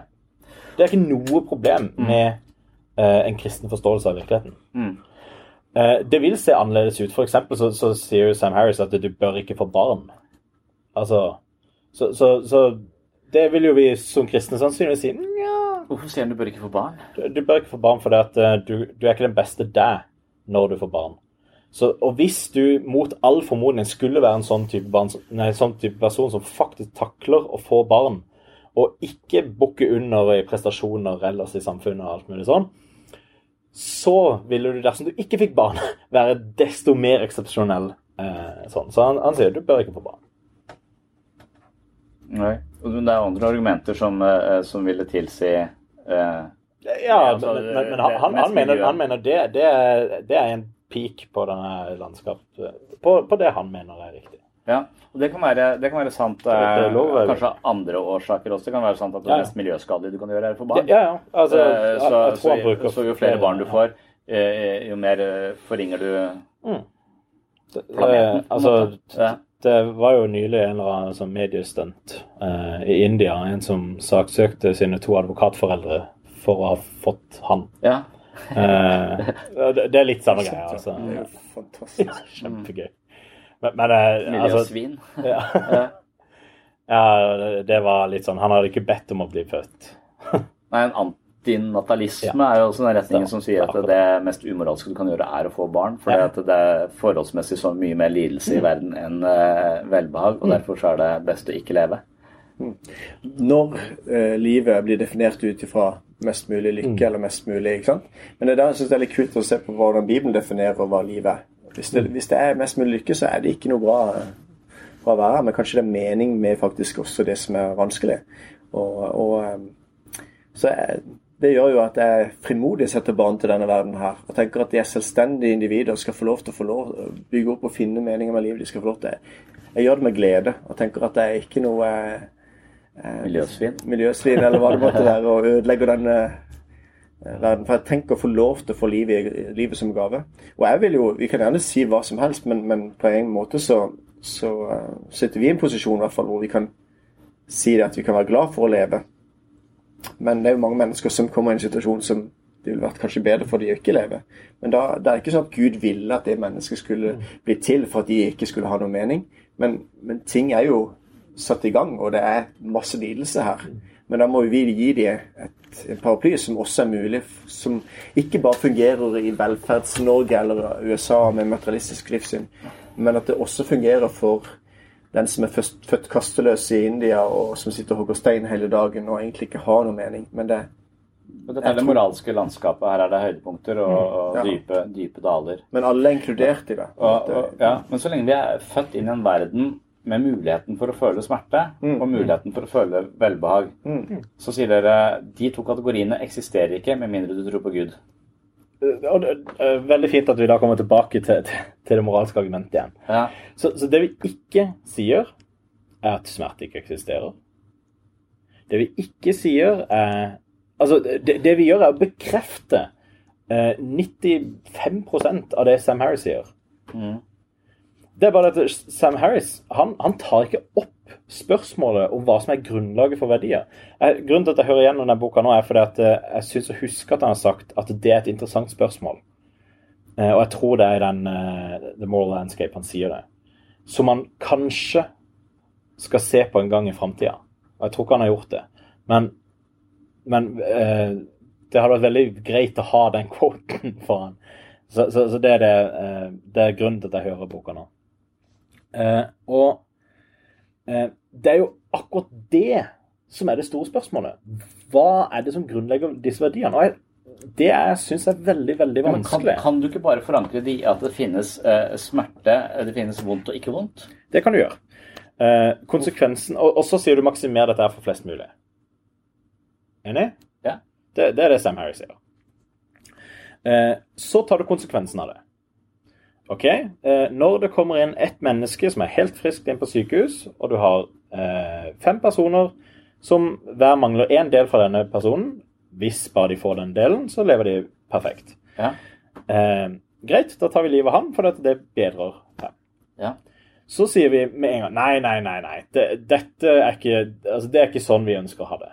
Nei. Ok, men, men da er det ikke det prinsippet du bruker lenger. Jo, jo.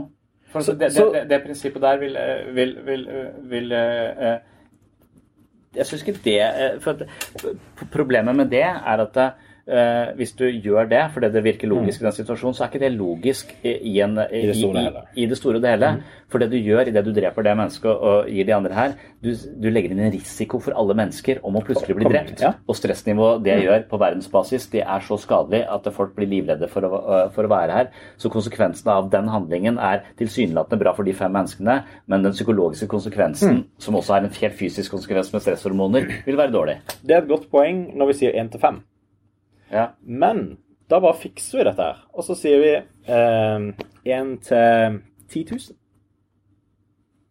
det tipper at de fleste ville ikke brydd seg om det i det hele tatt. Noen ville helt sikkert stressa masse over det, men ikke nok til å utveie. Og, og vi hadde kunnet redde si ja, 500, jeg vet ikke hvor mange du kan bruke en person til. Men en helt frisk person kan du bruke til veldig, veldig mye. Så du kan redde veldig mange. Så, så det er bare å eh, sette ned den standarden, så, så har du det. Så, og, og i det øyeblikket vi anerkjenner at OK, her utveier faktisk eh, smerte og, og well-being, jeg husker eh, velbehag. Ja. Eh, I det øyeblikket den bikker og, og, og eh, faktisk være på velbehag, så er det moralsk rett. Vi burde Mm. gjøre det. ja. Så, så og, og påstå at den grensa ikke eksisterer, det tror jeg er helt uholdbart. Jeg tror det finnes en cutoff der, men jeg tror aldri vi kan vite eh, hvor den cutoffen er. Derfor så bør vi være veldig varsomme i det terrenget. Men der vil jeg si at eh, vi som mennesker er jo heldigvis mye mer moralske enn Gud på det området. For han kan jo drive oss og også, øh, ødelegge hele livet til en eller annen tilfeldig random jobb et eller annet sted, Ja. bare for å statuere et poeng i en diskusjon. Vi, vi kan godt ta den, Eh, men vi, så- så siden, vi, er jo- siden vi har tatt ja. den før, så, så, Ja. så lar vi det ligge, og så fortsetter vi på dette eksperimentet. Ja. Um, OK, la oss si vi er enige om at på 1 til 5000 så, så er vi fremdeles litt usikre. OK, da tar vi 1 til 50 000. Da er vi på den sikre sida. Helt, er helt 100 ja, Helt 90 noe Mm. Prosent på at hvis vi tar en av, av 10 000, Mm. eller en av 50 000, Mm. um, så vil det være mye mer velbehag enn smerte. Fordi at folk vil ikke være bekymra for å gå inn. OK, uh, da har vi gått på den sikre side. Ja. Da burde vi faktisk ta hver 50 000 person som kommer inn i alle sykehus. Og bare bruke den. Og, og vi bør egentlig ta den friske, altså en, en av de virkelig friske personene. Gjerne en ung en. Altså for, for det er det som gir mest eh, velbehag. Og, og det også det å begrense det til, til bare noen eh, utvalgte, begrenser du også nervøsiteten. Så hvis vi begrenser det til f.eks. Ja. bare folk som er 21 år og i eksepsjonell helse Ja. OK, greit. Da har du utelukka alle andre fra denne nervøsiteten. Eller hva Ja. med bare jøder, da, for eksempel? Ja, ja. Altså, sam, samme hvem du velger. Det kan vi altså, gjøre. Eller hvis det er de ja, ja. Ja, men, men så spiller vi den tilbake. Sam Harris har dette eh, eh, eksperimentet og sier at eh, det finnes noe som er bra for mest mulig, og, og dårlig Ja. for mest mulig. Eh, men, men så finnes det også religion og, og, og, og så videre. Så, så hvis, du kommer, hvis du finner en kultur som lever i fred og fordragelighet, men eh, de skjærer ut øynene på hver tredjefødte, for de har en eller annen tekst som påstår at man skal skjære øynene ut av hver tredjefødte, vil vi kunne si at det, det dere holder på med der, det er ikke den beste måten å Åpenbart. behandle hvert tredje barn, uh, hvert tredje barn på. ja. Vi, sier jo, Ja. vi sier jo på ingen måte at all religion er rett. Nei.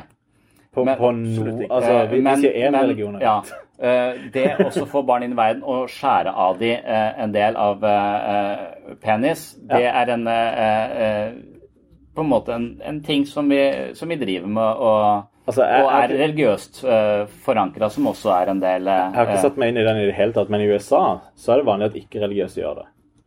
Så, Ja. så det ser ut til å være noe fordel med det. Jeg jeg vet ikke hva, jeg har ikke satt meg inn i det i det hele tatt, men jeg vet det. ja. Men, men Så, jeg vet ikke, vet men, hvorfor men, dette men det uansett, eh, la, la oss putte det i korga, vi kan ikke vite. Ja, ja, dette med hvor mange som skal dø for at det, Nei, for det skal eh, bedre? foruten. Ja. Helt konkret. OK, jeg vet ikke hvorfor han har sagt noe sånt. Jeg vet ikke. Nei. Helt greit. Jeg har ingen idé i det hele tatt om hvorfor han har sagt noe sånt. Nei. Så det er også noe som tilhører jødedommen, ikke kristendommen. da. Ja, ja. sånn- Helt det er jo, Ja. det er jo litt sånn i forhold til Men Gud har sagt mye rare ting. ikke sant? Det er jo litt den samme guden dere tror på, som, eh, som har sagt mye rart til mennesker som de faktisk, eh, ja, Jeg kan si som litt det samme gjør. som gjør. Fegel, at det er ganske mange ting som ikke forstår i Gamle testamentet, som står der. Men Ja. det er også litt viktig å forstå. Men dere er- forholder dere litt til det der med, med, med homofili. Dere er litt eh, liksom skeptiske til at de skal ikke sant? Så det forholder Nei. dere dere til. Men det der med å skjære av forhuden, det, det vil dere ikke eh, Men- Men, det står men, men Jesus, Jesus, Jesus har jo sagt det veldig tydelig. Altså, eh, eh, Nei, nå løy jeg. Det er ikke Jesus som har sagt det. Men, men i, i Bibelen, altså i Nytestamentet, så står det helt klart Og så er det dette med forhud. Det er at menn ikke skal være sammen med menn. eh, Nei, at uh, dette er med forhuden. At det, Ja. det er en sånn greie som hører til uh, disse her. Ja. Ikke noe som alle andre trenger å forholde seg til. Jo, men, men, men, men det, det er jo Altså, når du først skal, skal si jo, men han har sagt det, Ja. så, så må du ta med resten han har sagt også. Altså, ja. Han har bare sagt at det er bare jøder som skal gjøre det. Nei, de, de begynner jo å diskutere til, på om de skal faktisk, de som skal ta imot og være kristne, da, Ja. om de skal følge de jødiske lovene og reglene. Ja. Og Da mener noen kristne at eh, de må det, for det, at det er gjennom jødene på en måte Messias er kommet. Så derfor så må de også følge de jødiske lover. Men så kommer de egentlig da fram til konklusjonen nei, vi trenger ikke å følge det som er jødiske lover. Ja. Og, og det, det er liksom det eksisterer, Disse problemstillingene eksisterer faktisk i vår verden. Det, eh, det som du eh, setter opp, eksisterer så vidt vi vet ikke i vår verden. Men det vil kanskje komme til å eksistere. Det vil kanskje komme til en tid hvor vi sier at vet du hva, nå er vi så mange mennesker på den planeten her, eh, og nå vet vi at den går under om to uker, med mindre halvparten forsvinner. Eh, eh, så- så, så har vi kanskje en situasjon hvor vi sier skal, vi, skal halvparten leve og halvparten dø, eller skal bare alle dø? Men de fleste ville sikkert stemt på ja, da dauer vi alle sammen, for vi vet ikke hvem vi skal ta livet av. Vi klarer ikke å løse denne løse denne er fint at vi verner om livet, og så kan ikke vi gjøre noe. Vi kan ikke på en måte gå inn og så styre Det er det som er litt fint i forhold til de etiske de, de, debattene vi har nå i samfunnet òg. At med en gang vi skal begynne å si hvem som har rett til liv og ikke rett til liv Det er jo egentlig det du skisserer opp her som en sånn endetidsscenario. At hvis, hvis vi da halvparten dør, så lever vi 100 000 år til. Ja. Hvis, hvis ikke, så er det to uker på alle sammen. ikke sant? Ja. Og så for, en måte skal vi prøve å veie opp dette her. Men hvis vi skal Ja. verne om liv, så kan det godt Ja. være at vi, vi dør alle sammen. Men jeg syns det er det vi skal jobbe for, å verne om liv og ikke ta liv. Og det er det eh, som jeg syns er vanskelig, at vi skal gå inn og så styre og tukle med systemet. Eh, ja. Men- Derfor men- vil jeg beskytte liv, ikke po poenget mitt med, med tankeeksperimentet er at eh, hvis det faktisk er gyldig, så burde det ikke være bare et tankeeksperiment. Da burde vi begynne med det i dag. I dag burde vi, eh, hvis tankeeksperimentet gjelder, og, og hvis vi er enige om at ja, 5000, da er det OK. Um, Ja, det er én ting, men, men hvis vi virkelig vet, tror at ikke vi har Ja, ja, ja. så bør vi jo bare tvangsforandre eh, mennesker. For dette, altså, Vi burde bare endre hele tankesettet til mennesker, for dette, de går rundt og er deprimerte og mange ting. Vi kan bare sette en pille i det, altså, nei, gi det en sprøyte, og så hadde de mye mer lykke. Hvis vi vet at det er det beste, og hvis ikke de har frivillige likevel. Hvis, de, hvis vi bare tror vi har frivillige. Så det er et eller annet man kunne overlate og se at hvert menneske er uendelig verdifullt. Hvert menneske har en fri vilje. Hvert menneske er så verdifull at vi skal legge til rette for at de får mulighetene og gi dem rettigheter. Hvordan kan vi gi dem rettigheter hvis ikke, eh, hvis ikke det er på en måte noe de har? Hvis det er bare noe vi skal liksom bli enige om å, å gi dem? Ja, men det, dette er jo ikke lette spørsmål. for at det, veldig ofte, Hvis, hvis man f.eks. er mot abort, da, så kan du si at det, det jeg ønsker, er at dette mennesket skal få eh, 40 år med faenskap for så å ta livet av seg sjøl. eh, det er jo ingen som vil det, men, men eh, Nei, det nei, være- men, men ja. det er jo eh, ofte en konsekvens av å vokse opp med vokst rusmisbrukere, eller, ja. eller at, Jeg synes det var litt sånn Ja, OK. Ja, ja. For det er ikke men det vi det er snakker om. Vi snakker om de, du snakker om de ytterste Ja. konsekvensene. Du trekker det helt ytterst. Istedenfor å se på det som er vanlig nå, som sto på blogginnlegg eller sto i avisen nå nylig, at de som er blogger, som bare vil ta bort. For det, det passer ikke med barn nå. ikke sant? Og så er det Ja. på en måte den Ja. Eh, Da tenker jeg det er litt annerledes enn den der eh, Men hvis, du, hvis, hvis mora di er Kardashian, liksom, så har du ikke så, så er det kanskje bedre å ikke være der. Men, men eh, la, la oss si alle de der eh, vanskelige eh, vanskelige sakene, altså der hvor det har med eh, voldtekt, og det har med alt mulig eh, narkomane foreldre og alt mulig. Greit, la oss legge de ved siden av diskusjonen, og så sier vi OK, vi, eh, enten vi vet ikke, eller greit, vi sier nei. Eller, eller ja. Eh, da har vi allikevel omtrent 97 ifølge statistikker fra USA. Eh, Jeg vet ikke om det er nøyaktig likt i Norge, men vi kan forvente at det er sånn noenlunde likt. 97 Hva slags statistikk er det? Eh, Det er da de som eh, tar abort fordi det passer dårlig, har ikke lyst på barn nå. Ja. Den typen årsaker som- kanskje ikke virker som veldig tungvektige grunner til, til å ta et liv. ja. Ehm, la oss snakke om de, da. Hvis vi er enige om at det er, er noe som ikke burde, så så, er vi jo enige. Da er, da er de vanskelige sakene De, de trenger ikke å styre majoriteten. Da kan vi ta de vanskelige sakene, så, så kan vi heller kjempe hardt med de. Men, men vi er jo enige, for jeg anser jo ikke det som å ta et liv. Altså, for jeg, jeg anser jo, eh, ser jo Men hvorfor følger du ikke vitenskapen på dette området, da? For, for her er vitenskapen kjempetydelig. Altså, eh, fra eh, de to eh, cellene smelter sammen, så er, så er det et menneske på alle måter vi, vi kan regne et menneske på. Og på ingen måte ut ifra min standard om hva som er et, er et menneske. Altså Hvis jeg har en eh, eggcelle der og en sædcelle der, mm. og så vil jeg si at nå er det ikke noe verdifullt, men en gang jeg putter de sammen, så er det eh, i det samme sekundet det har skjedd, eh, verdifullt. Altså For meg så skal det en viss grad av kompleksitet til, det skal en bevissthet til, det skal en eh, det skal, så, så, så at cutoffen er der nær, er helt greit for meg. Etter det så kan hvor går grensa, da? Hva er, når får det verdi? Ja, Nå husker ikke jeg hva som er eh, eh, 3, 4, abort. 4, 20. Ja, ja. Det er da du får verdi. Når du på en måte kan overleve. Men Hva hvis vi egentlig er alle vi er så født for tidlig, egentlig? For vi skulle vært mye lenger inn i, i forhold til evolusjonen. Ja, ja. Så burde vi vært mye lenger Og vi er så videreutviklet. Vi, vi, når vi kommer ut av mors liv, så står vi ikke på beina. Vi trenger fremdeles å på en måte bli oppdratt osv. Så, videre, og så, videre. så vi er egentlig ganske premature hele gjengen. ja, ja. Eh, men hva hvis på en måte Da vil jo også egentlig det være sånn at når du er ett år gammel, da lever et år, så er det jo også egentlig sånn at er det et liv, egentlig? Du kan ikke leve alene, du klarer deg ikke sjøl. Nei. øh, øh, og det vil jeg si at det øh, men, men da har du fått en relasjon til det, og det har en relasjon til deg. Og i løpet av tre, tre dager så vil det kjenne igjen deg. Så, så det, det, det er skapt en Men før det kommer en- ut av mors liv, da. Rett før. Idet det kommer ut. ja, i- da, da vil jeg altså på, på, da vil jeg altså bare sånn intuisjonen min si at dette, dette er et, et menneske. Det ser ut som et menneske, øh, og det er ikke bare to celler øh, lenger. Det er noe mye, Så mye går det mer. på 3-24 når vi har sjanse til å, og... Ja, jeg syns det er en helt grei cutoff. Jeg synes at det, Der må man kunne gjøre det uten det moralske, mener. eh, moralske skrupler. I Nederland så kan du putte ei sprøyte inn i hodet når det, i det kommer ut. Så en Ja. Da har ikke jeg Ja. lyst på det barnet. Eller det er ikke, Men- det er men ikke barn ennå. Det er ja. ikke noe liv. Eh, Men, men Spør du Peter Singer, vil han si når du er tre år. Ja, det kan, og jeg, jeg, jeg kan godt forstå det argumentet. Jeg, jeg, kan godt være helt eh, jeg, jeg er ikke enig i det selv, for at jeg har andre følelser. og Der hører jeg bare på følelsene mine. Jeg ville, ville føle annerledes.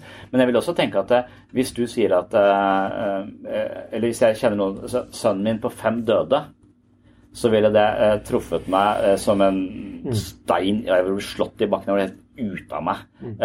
Men hvis du sier at eh, eh, vi mista eh, barnet vårt under svangerskapet eh, tre uker før det skulle bli født, så hadde følelsen min vært helt annerledes eh, for deg. Jeg hadde syntes synd på deg, jeg syntes det, det er kjipt, men heldigvis så kjente du ikke vedkommende. Sønnen din på fem har du eh, en lang så, så, så, Skal du si det når noen kommer og forteller det? Nei. Sånn, bare lurte på om jeg skulle gå til psykolog. Hva skulle gå til deg. Nei, jeg, jeg, jeg, veldig jeg ville ikke nødvendigvis sagt det, men jeg, jeg ville tenke at det vedkommende også okay. hadde vært enig i at hvis dette barnet hadde vært fem år, Ja, så hadde det vært verre for meg å miste det enn hvis det var eh, samtidig, det er eh, ikke- ikke- krevende for folk var å født. miste et eh, Ja, selvfølgelig. Det, det, er, det er krevende, men det er ikke så krevende som å miste en femåring. Nei. Vil jeg eh, eh, Men det er så bra at ikke vi skal gradere det. Vi skal verne om liv. og Det er det som egentlig det kristne budskapet. da, at Vi skal beskytte det. Vi skal ikke si at det dekker liv nok. eller, eh, For det er jo egentlig litt det samme vi gjør òg. At jeg tar livet av et barn. Nå bruker vi det bevisst her, men jeg tar livet av et foster fordi at jeg skal ha et bedre liv. Så egentlig det, det livet er ikke verdt å få lov til å leve, fordi at det passer ikke i min situasjon akkurat nå. Og Det, det synes jeg det er en feil måte å gjøre det på. Har du, har du fått barn? Og det vet du hvordan det blir til. Og Hvis du på en måte har tatt det skrittet, så må du ta konsekvensene. og ikke Hvis få de er sånn, syke, da? Hva sa du? Hvis de er syke.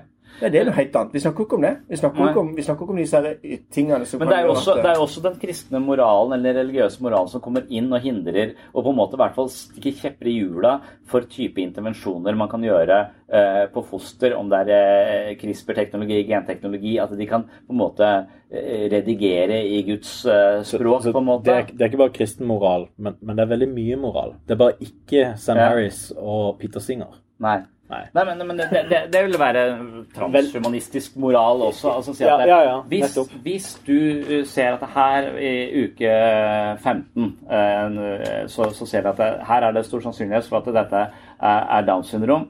Vi har nå en sprøyte vi kan sette inn der sånn, så sørger vi for at dette barnet ikke får Downs syndrom. Vil vi gjøre det? Altså, Poenget er bare at det, er ikke det som er på en måte tilfellet akkurat nå. Det som er tilfellet nå, er at folk tar den livet av det som den ikke er verdt. Den typen stamcelleforskning osv., den, Ja. den blir jo på en måte begrensa og på en måte hele tiden forhindra Ja, på men det er ikke, det er ikke det du stilte stiller eh, spørsmål om. Du stilte ikke spørsmål om forskninga. Jeg syns forskninga er vanskelig. Fordi at man forsker på stamceller. Og, Ja. og på, på liv, på en måte. Ja, Det syns jeg gjør det vanskelig. Men hadde jeg hatt en sprøyte ja, som ikke hadde krevd noen forskning, men vi kunne ta den inn når vi visste at da ble det friskt, ja, så ville jeg gjort det. ja. For, men det betyr ikke at jeg ser ned på et menneske som er født annerledes, men fordi at det, det er jo en sykdom også å ha et kromosom for mye. Og derfor, Det, det er jo det samme. altså Hadde vi kunnet utsette kreft med en sprøyte, så hadde vi vel gjort det også. Ja. ja. Men det ikke det Så- du spør om. Dere er, spør- imot, dere er ikke imot at vi modifiserer eh, liv og perfeksjonerer det? Nei, det eh, er mot det at du skal forske på de tingene for å komme fram til den sprøyta som du skal stikke inn. Og det er jo det som er ganske utfordrende, for den, det er det som ikke Dere er imot det, ja? Altså, Dere, er- dere er imot valgmuligheten, for med en gang du kan velge om det skal være Downs eller ikke, sånn, så nei. du vite vite. Nei. Men du dere vil ikke forske på at vi skal få det? Nei, men da forsker du på så- liv. Hvis du forsker på, på liv, så, så um, vi, har, vi har gjort det tidligere i historien. Mm. Eh, Mengele gjorde det. Mm. Han forska på liv. Mm. Og det syns vi var umoralsk fordi han forska på menneskelig liv. Vi mener Det er litt andre grunner til at vi syns det var umoralsk. Ja, men, men det bunner jo i at det er menneskelig liv. Hadde, hadde han gjort det samme på em, maur, så tror jeg ikke folk hadde reagert like mye. Nei. Nei. Med andre ord så, så em, og, og vi holder bare det vitenskapen holder, at mennesket det, det er faktisk tilbake til eh, unnfangelse. Og, og derfor så bør det ikke forskes på. På den måten. Eh, men, men jeg, jeg skjønner at det er en vanskelig Men vi har kommet fram til ting gjennom historien, og gjennom ting Ja. som er forskning som er gjort i konsentrasjonsleirene også. Ja? Forskning som egentlig kan kanskje komme oss til gode. Mm. Som på en måte sånn sett er jo bra at de har fått vite noe som ikke vi visste før. Eller forsker på mennesker. Men det er jo veldig kritisk at vi skal da bruke et menneske og plukke fra delene fra det mennesket for at fem andre skal få det bedre. Så er vi egentlig tilbake til det. Det samme med her òg, at, det, at det tar et menneskes eh, liv da for at noen skal, andre skal få slippe å få eh, en sykdom. Ikke sant? Så, så jeg er enig med deg. Jeg ville tatt den sprøyta, men jeg syns det er vanskelig å komme fram til innholdet i den sprøyta hvis ikke vi da skal forske på det. Hvis vi klarer det ut ifra dyr, så er det en annen forståelse. Da er det en annen forståelse for det. Selv om vi skal verne og beskytte dyr, Ja. så har, ser jeg det forskjell på, på, på menneskets verdi og dyrets Jeg må gå og hente. Jeg skulle vært her for ti minutter siden.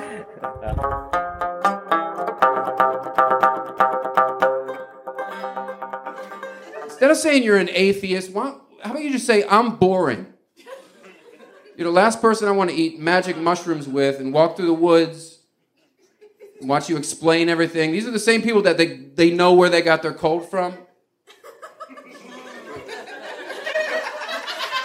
They know I got my cold from the office. How do you know? Where are your where's your gear that you put together? I'm not a man of the cloth. Listen, I understand you're you're, you're agnostic because you're rebelling because religion got stupid as shit. I started we- wearing silly hats. It's dumb. Nobody wants to see that. There's a lot of shit going on we don't know. Listen, listen. I dropped my phone in the toilet last week, and now it works better. Explain that. You don't know. but it has done things to your soul. Your soul. Nothing. Nothing whatever.